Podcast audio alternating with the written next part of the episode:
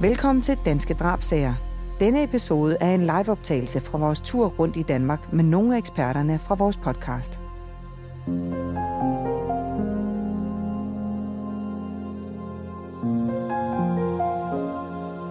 Din veninde er væk, og du er syg af bekymring over, hvor hun må kan være henne. Hun møder ikke op på den café, hvor I har aftalt at mødes til kaffe. Hun tager ikke telefonen, når du ringer.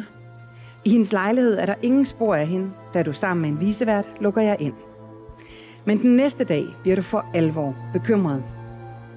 Det er starten på den sag, I kære lyttere skal høre om i dag i dette afsnit af podcasten Danske Drabsager.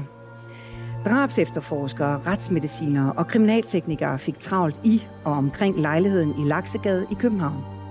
For her blev livet af en 33-årig kvinde fundet, men hvem havde slået hende ihjel? Hvorfor var hun gemt i sit eget klædeskab?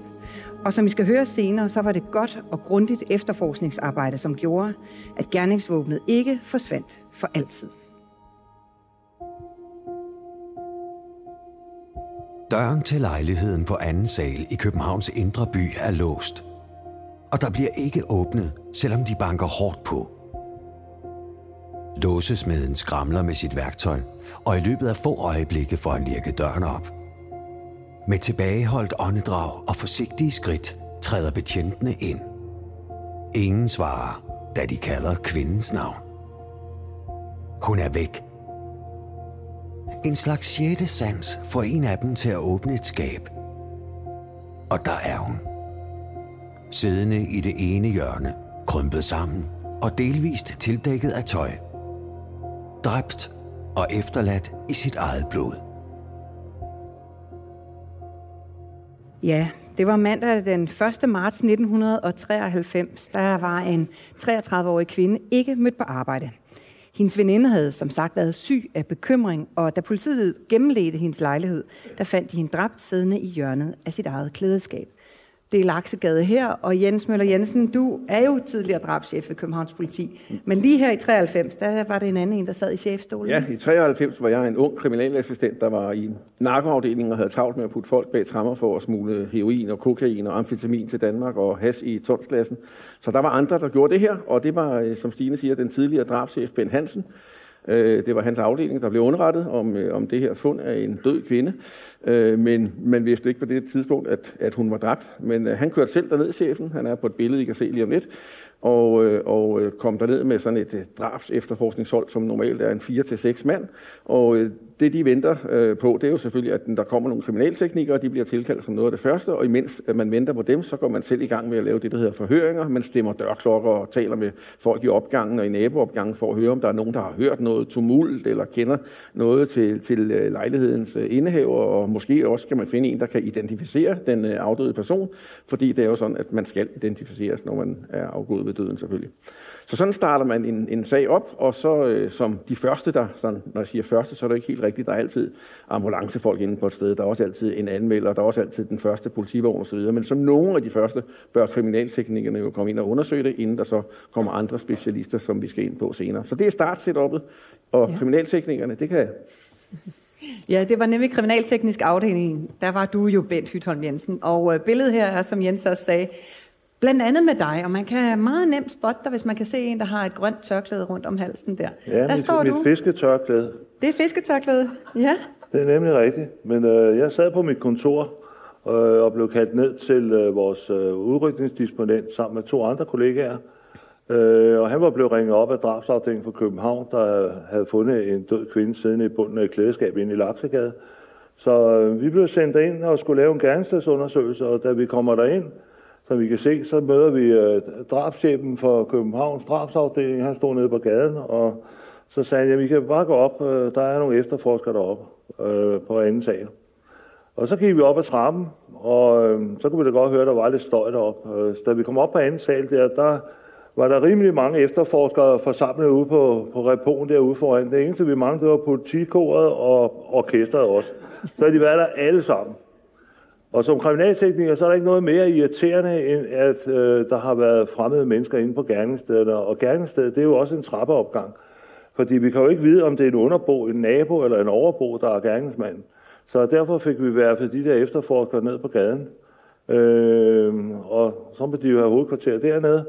Og så begyndte vi jo stille og roligt at arbejde os ind i lejligheden, og når kriminalteknikerne de skal undersøge gerningssted, så undersøger man selvfølgelig først de udvendige områder, altså skalsikringen med låser, og se om der er nogen, der har brudt dørene op, eller sparket dem op, eller nogen, der har tiltvunget sig adgang ind i lejligheden. Det var der så ikke noget, der tyde på. Det næste, jeg gjorde, det var at øh, afsøge gulvet for solaftryk, og hvis der skulle være blod, blodstik, eller hvad pokker vi er, af forskellige kriminaltekniske spor, og så arbejder man så stille og roligt ind igennem. Man ligger faktisk ned og kravler ned på knæene med lygter og så videre, for at se, om man kan finde nogle spor. Øh, og så øh, skabte vi så en adgangsvej ind til det værelse, hvor at, øh, vi fik påvist, at kvinden hun sad nede i bunden af, af det her klædeskab. Øh, og vi fotograferede det, og jeg havde så taget et videokamera med øh, ind til, på gerningsstedet. Øh, dengang der havde vi jo analog kamera, det vil så sige, at det var med almindelig film, og så inden man kunne se resultatet på de her film der, så var der jo gået to dage. Øh, så derfor så var det vigtigt at tage et videokamera med derind, sådan at man bagefter, øh, når det hele var overstået derinde, så kunne man aflevere båndet til efterforskningsledelsen for Københavns drabsafdeling, fordi så kunne de vise det på video over for alle de kollegaer, der efterforskede sagen. Så behøvede de ikke at komme ind på gerningsstedet. Så det gjorde vi så, og skabte en adgangsvej ind til øh, en retsmediciner, der skulle komme og lave en, en findestedsundersøgelse. Og jeg filmede så også, da hun blev trukket ud af klædeskabet selvfølgelig. Og det var en af dine kollegaer, der sådan stak hånden ind øh, i det her klædeskab også? Ja, altså jeg har jo efterfølgende snakket med en kollega, som, øh, som øh, ham, der, der, der fandt hende. Øh, han var på Stor Kongensgade politistation på det tidspunkt, da de tog ned i lejligheden. Han blev så efterfølgende fingeraftryksmand ude i, i vores afdeling. Øh, og han fortalte, at øh, han havde jo søgt, og så har han stukket hånden ind i klædeskabet, fordi pludselig får en fat i hovedet på hende. Altså. Og det er, der er noget af en speciel oplevelse, må man sige. Ja. Så. Og en, der også blev sendt ud, da I havde banet vejen her, det er øh, retsmediciner Hans Peter Hågen. Det var nemlig ham, der var på arbejde den her dag i 1993. Han kom ud til lejligheden, og der fortæller han lige om her.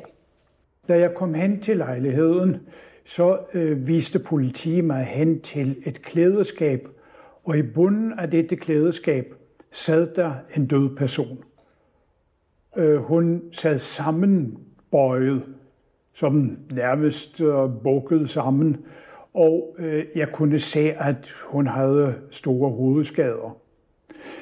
Jeg tog hendes temperatur, og den var den samme øh, hos hende, som den var i omgivelserne, og det ville sige, at hun havde nok været død af døgns tid i hvert fald. Hun havde fuldt udviklet dødstivhed, så hun havde ikke været død i flere dage. Ja, og så var det jo, at efterforskerne de i den grad skulle i gang. Og Jens, hvad var det, at kollegaerne skulle i gang med dengang i 93? Men det er klart, når man har en øh, død og en retsmediciner siger, at pågældende er dræbt, så skal man jo selvfølgelig som det allerførste have en sikker identitet på personen. Man havde selvfølgelig en, en formodning øh, om, at det var kvinden, der, der boede lejligheden, men det skal jo tjekkes, så man får fat i nogen, der kan identificere hende. Så er der nogle kollegaer, der skal have den tunge opgave at køre ud og underrette de pågørende, pårørende om, at øh, deres øh, datter eller deres øh, søster er, er afgået ved døden, og endda som følge af et øh, drab. Og så går man jo i gang med at afhøre de øh, pårørende. Er der nogen, som, øh, som kan sige noget om hendes omgangskreds, er der nogen, har nogen fjender osv. Man afhører også kollegaer øh, om de samme temaer, og så afhører man jo selvfølgelig den anmelder, som øh, havde anmeldt, øh, at hun manglede sin veninde. Og det hun kan fortælle, det er jo, at, øh, at øh, da de, da de tager hjem fra, fra arbejde om fredagen, der siger veninden, at øh, den dræbte, hun siger, at hun skal, skal hjem og slå op med en kæreste her i weekenden. Hun er blevet utryg ved ham, øh, og nu skal hun også gøre det forbi. Og netop fordi hun er sådan lidt utryg øh, ved, ved kæresten her, så aftaler de, at de skal tale sammen i løbet af weekenden, og de aftaler rent faktisk også, at de om søndagen skal holde et møde på en café, og ligesom øh, øh brainstorme, hvordan det her det så øh, er forløbet. Øh, og i og med, at hun kommer med den forklaring, så er vi selvfølgelig også i politiet interesseret i den mand, som hun skulle slå op med øh, fra en start af, så ham begynder man jo også at, at undersøge. Men alt i alt handler det om at få lavet en profil af den dræbte, finde ud af så meget som muligt om hende, øh, og der bruger man jo tilgængelige registre, og man laver afhøringer af, af alle de mennesker, der er muligt. Og imens alt det her det var i gang, så var kriminalteknikerne jo som sagt i gang op i lejligheden. Det her, det er der, hvor livet bliver båret ud fra lejligheden. Og Bent, der havde du og dine kollegaer travlt op i den lejlighed. Jamen altså, Finstadsundersøgelsen, den viste jo, at øh, kvinden hun var blevet slået med et stum eller instrument af, af i gange i hovedet, plus at hun havde en stranguleringsfuge omkring halsen. Øh, så da den her Finstadsundersøgelse den var overstået, så blev øh, den afdøde kvinde transporteret ind på Retsmedicinsk Institut, hvor at der skulle foretages en obduktion. Men inden da, så fortsatte mine kollegaer og, og mig, vi fortsatte med at lave en gerningsstedsundersøgelse inde i lejligheden, og det var en utrolig flot og ryddelig lejlighed. Der var absolut ikke noget, der tydede på, at der var sket noget voldeligt nogen steder. Ikke før vi kom ud på badeværelset, øh, hvor at, øh, der hang en, øh, en potteplante ned i en kæde op for loftet. Øh, og da jeg kom til at kigge på et af de der grønne blade, så kunne jeg se, at der var nogle altså meget små blodstænk på, på den her potteplante.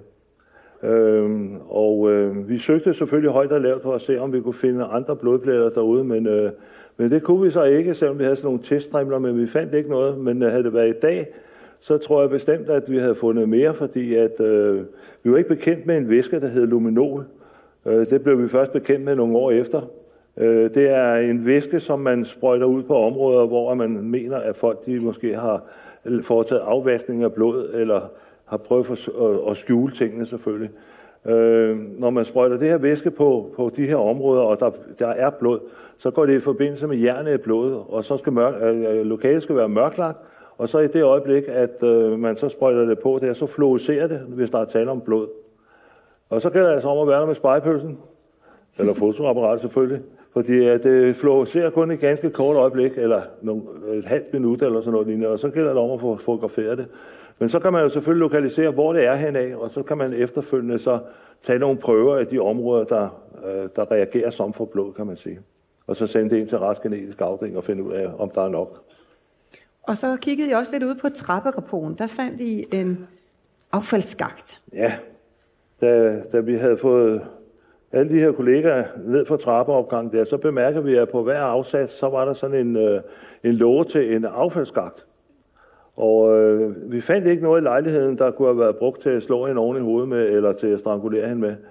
Øh, så så vi, vores interesse, den røg ind på det her affaldsskagt her, og øh, så fik efterforskerne for drabsafdelingen, de fik fat i viseverden, øh, og han sagde, at der står tre container nede i kælderen, og den ene af dem har jeg udskiftet her til morgen, den der står inde under den aktuelle, men den står stadigvæk dernede. Og så for en sikkerheds skyld, så fik vi øh, sikret alle de her tre affaldskontainer, og så bragt dem ud i afdelingen, hvor vi så skulle undersøge dem dagen efter for, for indhold. Så der kom vi til det her. Og det er det, I er i gang med her. Igen det grønne det tørklæde, du stadig bruger til fiskeri. Det er nemlig rigtigt.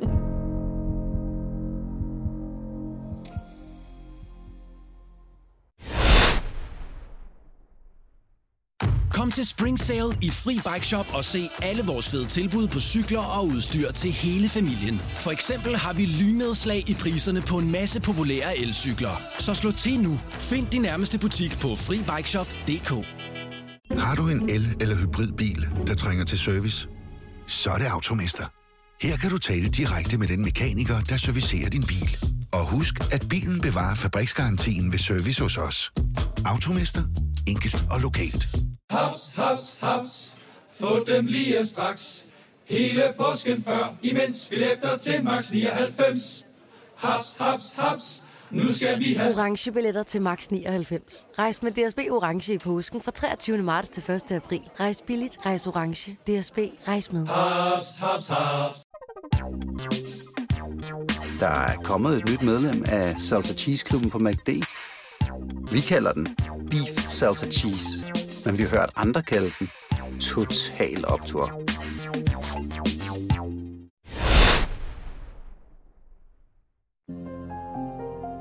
I fik øh, kigget i den her øh, container, men inde i lejligheden, der stod der noget, som jeg er lidt i tvivl om, øh, om alle her til stede ved, hvad er. Fordi der var nemlig det, der hedder en telefonsvar. Sådan en god gammeldags en, hvor det, det blinker, hvis der er nogen, der har ringet og lagt en besked. Nu om dagen, så er det jo inde i ens egen telefon. Der er sikkert nogen, der ikke engang ved, hvad en fastnetstelefon er. Det var altså en ting, der var inde i kvindens lejlighed. Den blinkede seks gange. Det betyder, at der er seks beskeder fra seks forskellige opkald. Fem af de her beskeder, det var fra veninden, og den sidste besked, eller i hvert fald en af beskederne, det var fra den mand, som Jens øh, talte om før, som var hendes kæreste. Hvad bruger man så nogle beskeder til, Jens? Jamen det er klart, de fem beskeder fra, øh, fra anmelderen, hendes veninde, øh, fortæller jo selvfølgelig oprigtigt, at veninden har været urolig øh, for den øh, dræbte og har søgt kontakt med hende flere gange hen over weekenden. Og den ene besked, der var fra hendes øh, øh, kæreste, indholdet af den øh, handlede en lille smule om, at, at øh, han ikke kunne forstå, hvor hun var. Han spurgte på svaren, om hun stadig var til møde på den her café med sin veninde, som han åbenbart havde hørt, hun skulle. Og man kan sige, det kunne jo så enten være en indikation om, at han ikke var gerningsmand, eller også at han var gerningsmand og havde forsøgt at lægge et øh, falsk spor. Så det er selvfølgelig interessant, at han, øh, at han vidste, at hun skulle til det her møde, men noget entydigt øh, resultat giver det jo ikke. Og den her telefonsvar, den, øh, den undersøgte man selvfølgelig med, i forbindelse med, at man laver en rensning i lejligheden. Kriminalteknikerne de laver det, der hedder en gerningsstedsundersøgelse, og når de er færdige med det, så er det stedlige politi, eller her Københavns politi, de laver så en rensning, hvor man kigger på sådan andre øh, specielle effekter. Det kan være, om der ligger breve øh, med trusler i, eller der er andet, der fortæller noget om ens omgangskreds osv. Altså sådan nogle mere konkrete ting, hvor kriminalteknikerne leder efter reelle øh, spor af, af en forbrydelse.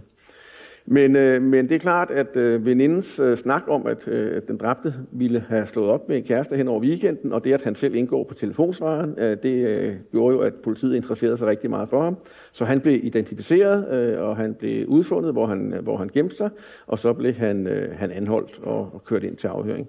Der starter man altid med at køre til en personundersøgelse på Retsmedicinsk Institut først, hvor man får dokumenteret, hvad øh, skader den anholdte har. Det kan være, at man har under sine negle har, har spor fra en person, hvis man har slået med dem, eller det kan være, at man har et sår på armen eller i hovedet eller et eller andet.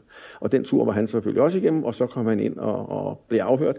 Og han, øh, han øh, vedgår her, at han øh, rent faktisk godt vidste, at hun var, var død, men at øh, det var et uheld. Hun var faldet ud i badeværelset og slået hovedet ned i et blandingsbatteri, øh, og, øh, og øh, det var så den situation, der var.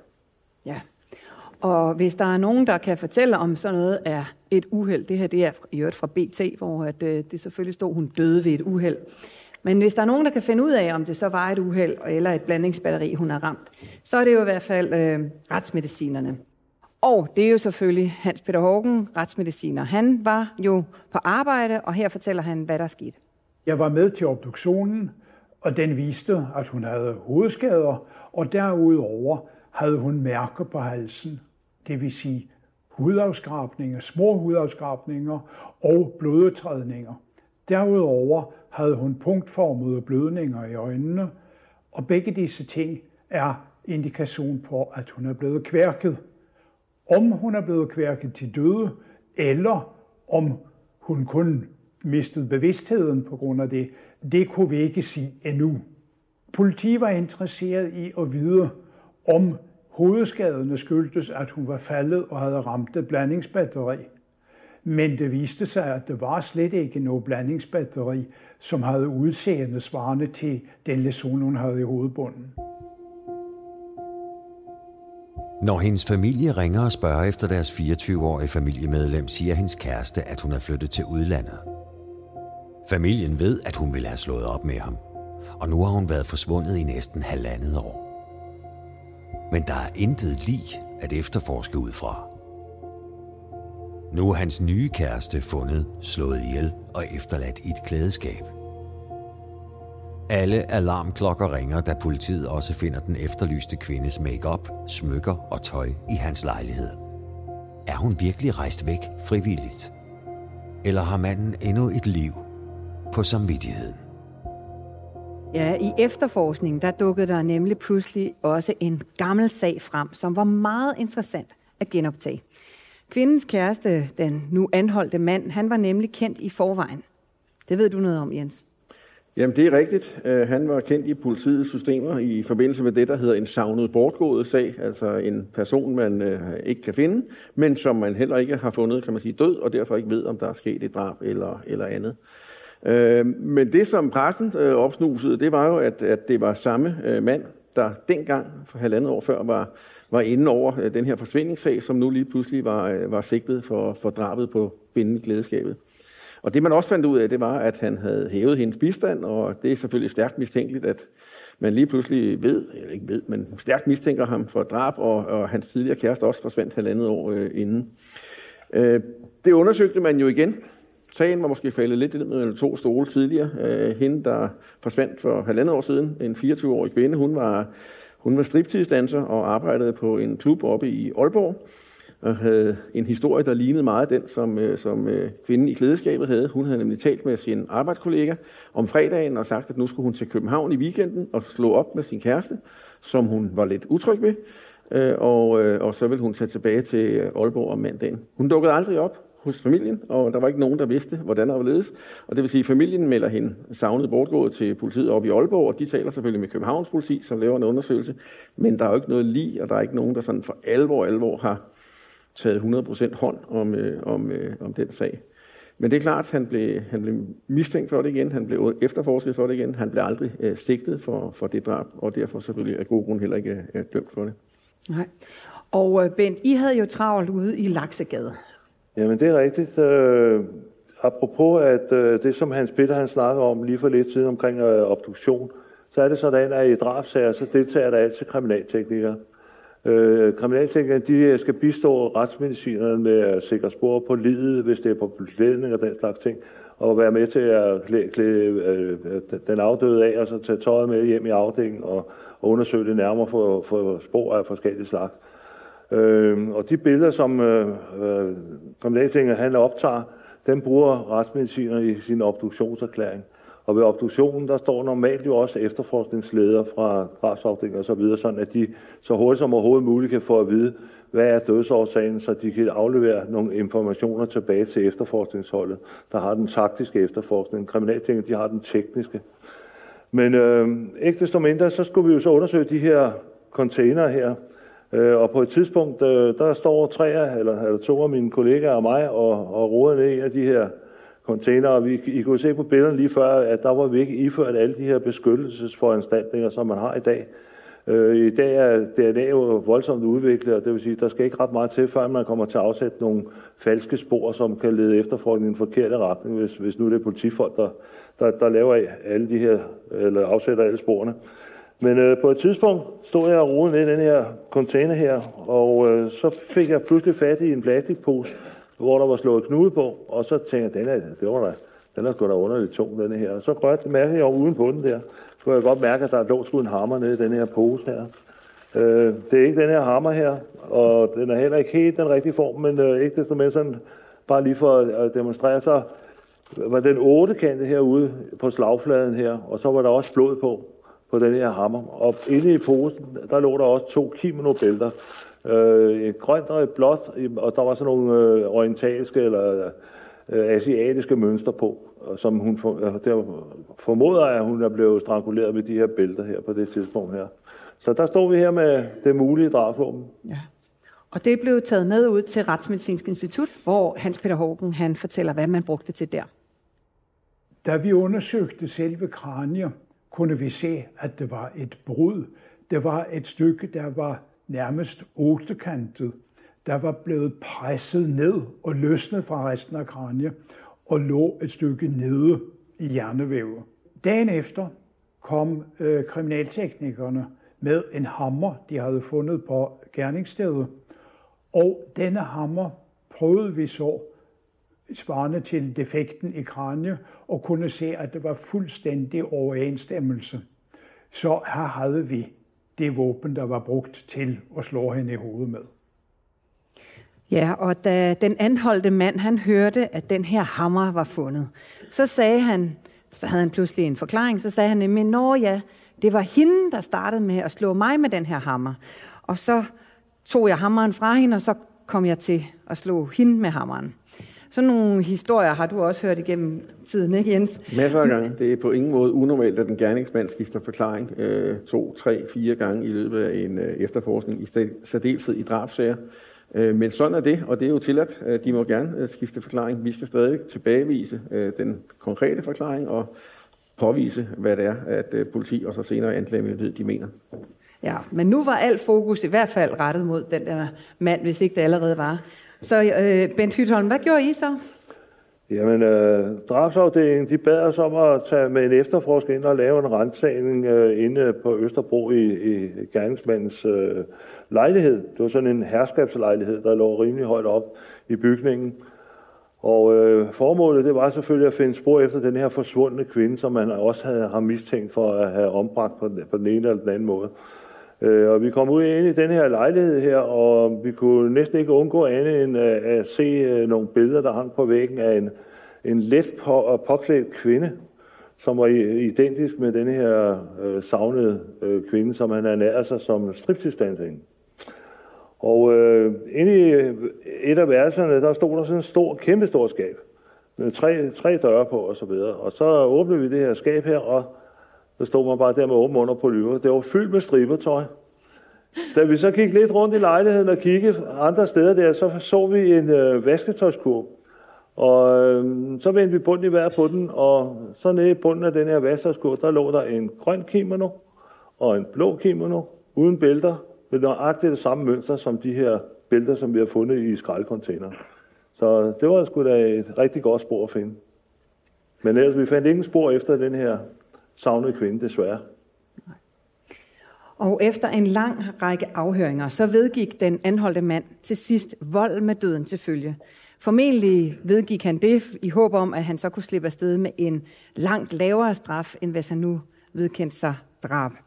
Da sagen kom for retten i 1994, der stod han faktisk ikke blot tiltalt for drab, men også for sager som vold, tyveri, dokumentfalsk og brandstiftelse. I Østerlandsret der faldt der dom i sagen den 15 marts 1994. Retslægerådet havde forinden anbefalet den tidsubestemte straf forvaring, men han fik 15 års fængsel. Efter cirka 10 år bag lås og slå, så blev manden prøveløsladt, og så gik der faktisk ikke særlig lang tid, før han igen var i politiets søgelys i en anden meget alvorlig sag. Faktisk så sad jeg på kriminalredaktionen på Ekstrabladet og lyttede med på politiradio. Det kunne man dengang, og øh, der hørte jeg faktisk navnet på den her gerningsmand blive nævnt. Og så tænkte jeg, nu er den gal igen.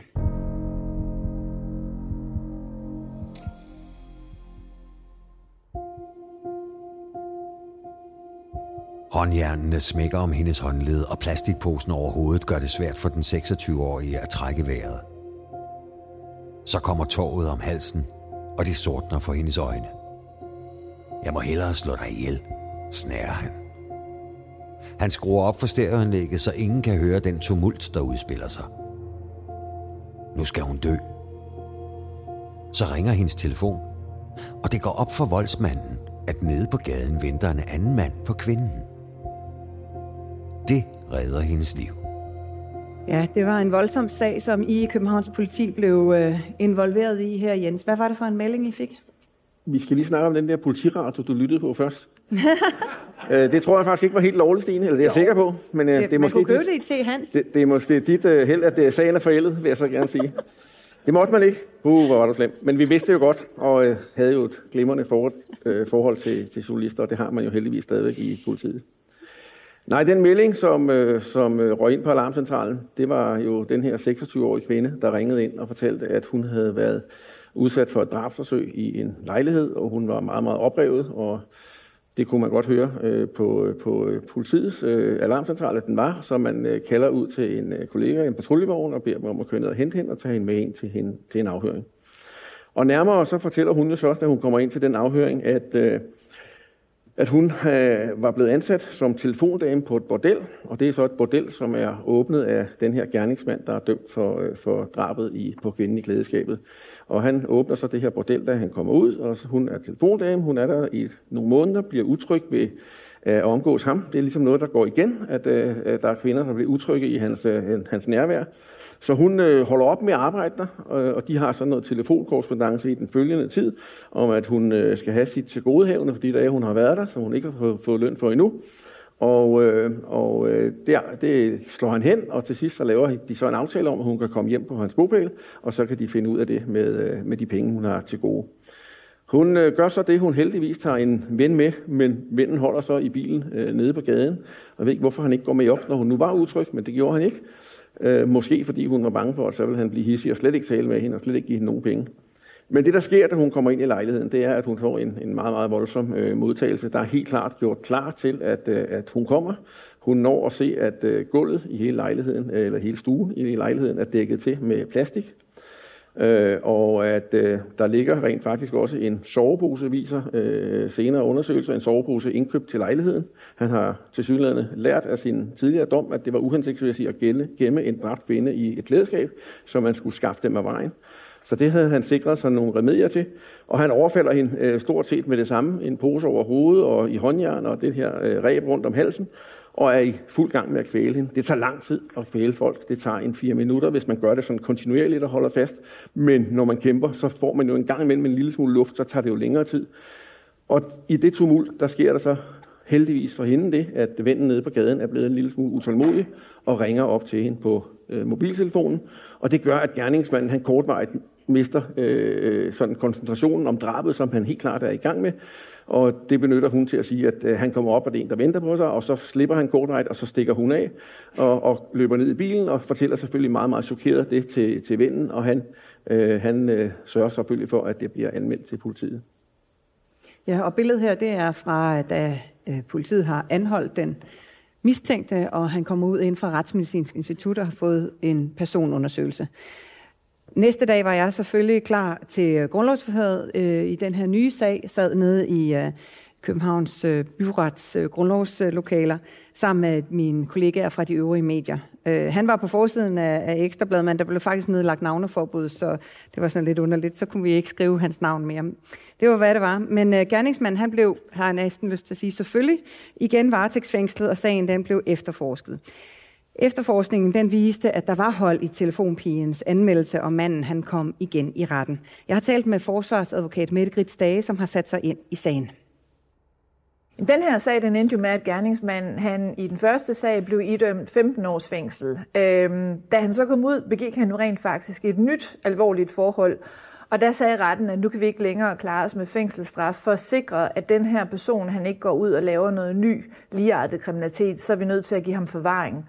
Og forvaring, det er jo en tidsubestemt straf, ligesom fængsel på livstid, og derfor henregner vi forvaring til en af de strengeste straffe, vi har i det danske retssystem. Det, der er ved en forvaringsdom, det er, at i og med, at den er tidsubestemt, så ved man ikke, hvornår man bliver løsladt. Den øh, typiske forvaringsdømte, han sidder et sted mellem øh, 14 og 15 år. Og, og det, jeg hører fra folk, der har fået forvaring, det er, at det, der er så utroligt belastende ved det, det er uvidsheden. Man ved ikke, om man er heldig at komme ud efter, skal vi sige, 6 år, eller at man kommer til at sidde i, i 18 år. Så derfor er det en, en, en kæmpe belastning at have fået en forvaringsdom, og derfor er det selvfølgelig også en straf, som vi kun giver til øh, de allergroveste øh, tilfælde af kriminalitet. Og det her med forvaring, Jens, øh, vil du knytte et enkelt ord eller to til det? Ja, jeg vil starte med at sige, at øh, i virkeligheden i byretten for det andet forhold her, drabsforsøget på telefondamen, der fik han fængselsstraf et år og seks måneder. Den anker anklagemyndigheden, og landsretten omstøder så den til en forvaringsdom. Og det er jo et kæmpe spektre. Øh, men dengang, øh, der var halvandet års fængsel for et øh, cirka taksten for et kvalificeret drabsforsøg. Han havde nok fået udløst sin reststraf for den første drabsag, hvor han var prøveløsladt. Der bliver man jo prøveløsladt efter to tredjedel tid, og han var, havde så siddet de 10 år ud af de 15, han havde fået. Men tilbage til en forvaringsdom. Øh, både livstidsstraf og forvaringsdom anses sådan lidt for at være lovens strengeste straffe. Sådan helt teoretisk er det livstidsdom, der er den strengeste. Men gennemsnitsafstolingstiden for en livstidsdom og for en forvaringsdom er cirka 17 år begge dele. Øh, man kan ansøge om at blive prøveløsladt på forskellige tidspunkter. På en forvaringsdom kan du komme med den første ansøgning efter fem år, og så kan du ellers søge øh, i starten med andet år, og så senere hver år. Og så bliver ansøgningen om, om, om løsladelse, prøveløsladelse, den bliver så øh, vurderet af både af anklagemyndighed, kriminalforsorg, og selvfølgelig bliver politiet også hørt i sagen, og ofte indgår der også en psykiatrisk øh, vurdering af, om man er egnet til at komme ud. Den her mand er helt klart en af dem, der har trukket gennemsnittet op. Han har siddet mere end 17 år. Øh, og I kender øh, alle sammen de typer. Øh, Peter Lundin, Peter Madsen, øh, Palle Sørensen, politimorder osv. Det er dem, der kommer til at trække op i forhold til både livstidsdom og forvaringsdom. Men der er en del dømte livstidsfanger og også forvaringsdømte, som jo kommer ud inden de her øh, 17 år. Øh, og det er klart, hvis gennemsnittet skal være det, og der er nogen, der sidder 30, 35 år. Den person, der har siddet længst i fængsel lige nu, det er Norm Konefi. Han har fået en livstidsdom og sidder, sidder nu på 36 20 år øh, i, øh, i fængsel. Han er blevet dømt for dobbeltdrabet på, på Femøen. Ja. Var det det, jeg skulle sige om det? Det er fint.